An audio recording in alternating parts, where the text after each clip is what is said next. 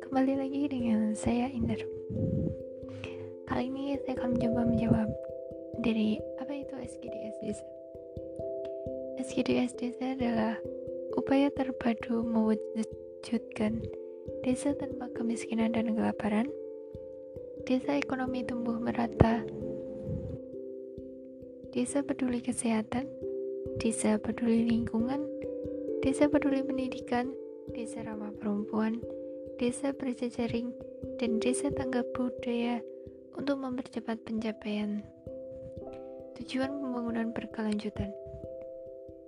Dalam bahasa kerennya yaitu Sustainable Development Goals atau disingkat SDGs. SDGs, SDGs desa merupakan role pembangunan berkelanjutan yang akan masuk dalam program prioritas penggunaan dana desa tahun 2021.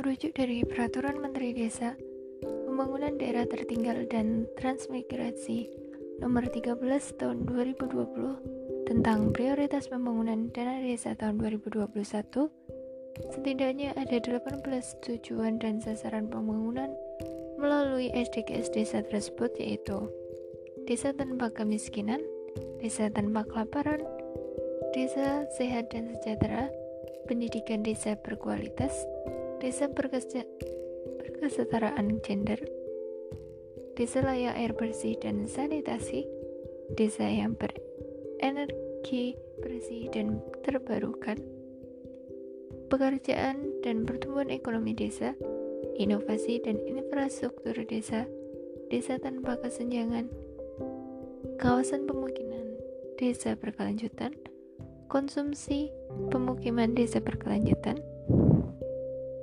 konsumsi dan produksi desa yang sadar lingkungan, pengendalian dan perubahan iklim oleh desa, ekosistem laut desa, ekosistem daratan desa, desa damai dan berkeadilan, kemitraan untuk pembangunan desa, dan yang terakhir yaitu kelembagaan desa dinamis dan budaya desa adaptif. Salah satu tujuan SDGs desa yang nomor 4 yaitu pendidikan desa berkualitas. Pembangunan berupaya meningkatkan pendapatan bagi penduduk miskin desa, menjamin akses warga desa terhadap pelayanan dasar, serta melindungi seluruh warga desa dari segala bentuk bencana untuk mencapai tujuan peningkatan pendapatan bagi penduduk miskin desa, maka target utama dari tujuan ini adalah peningkatan kualitas sumber daya manusia desa. Pendidikan merupakan bentuk investasi yang menentukan masa depan bangsa. Pendidikan menjadi syarat peningkatan kualitas dan daya saing sumber daya manusia atau SDM desa. Oleh karena itu, pemerintah desa bersama-sama dengan Supra desa harus memastikan ketersediaan dan keterjangkauan layanan pendidikan yang berkualitas bagi warga desa, serta akses yang mudah bagi warga desa terhadap layanan pendidikan. Dari tahun 2015 sampai dengan tahun 2019, angka melek huruf wilayah pedesaan lebih rendah dibandingkan dengan angka melek huruf wilayah perkotaan diambil dari BPS tahun 2019 pada tahun 2019 angka melek wilayah pedesaan sebesar 93,54 persen sedangkan angka melek huruf wilayah perkotaan mencapai 97,71 persen. Oleh karena itu pencapaian SDGs desa Keempat ini sangat penting dalam mencapai tujuan pembangunan berkelanjutan. Selain itu, rata-rata lama sekolah di Indonesia masih sangat rendah.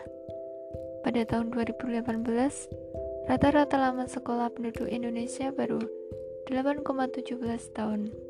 Kemudian mengalami sedikit peningkatan pada tahun 2019 mencapai 8,34 tahun.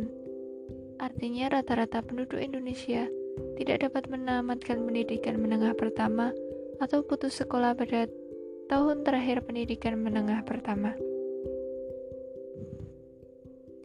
Oleh karena itu, untuk mencapai tujuan SDGs Desa Pendidikan Desa Berkualitas, maka yang harus dilakukan oleh pemerintah desa dengan dukungan dari Supra Desa adalah akses warga desa terhadap layanan pendidikan terakreditasi, akses warga desa terhadap lembaga pendidikan presentas pesantren, serta memastikan tersedianya layanan pendidikan yang berkualitas dan terjangkau untuk warga desa.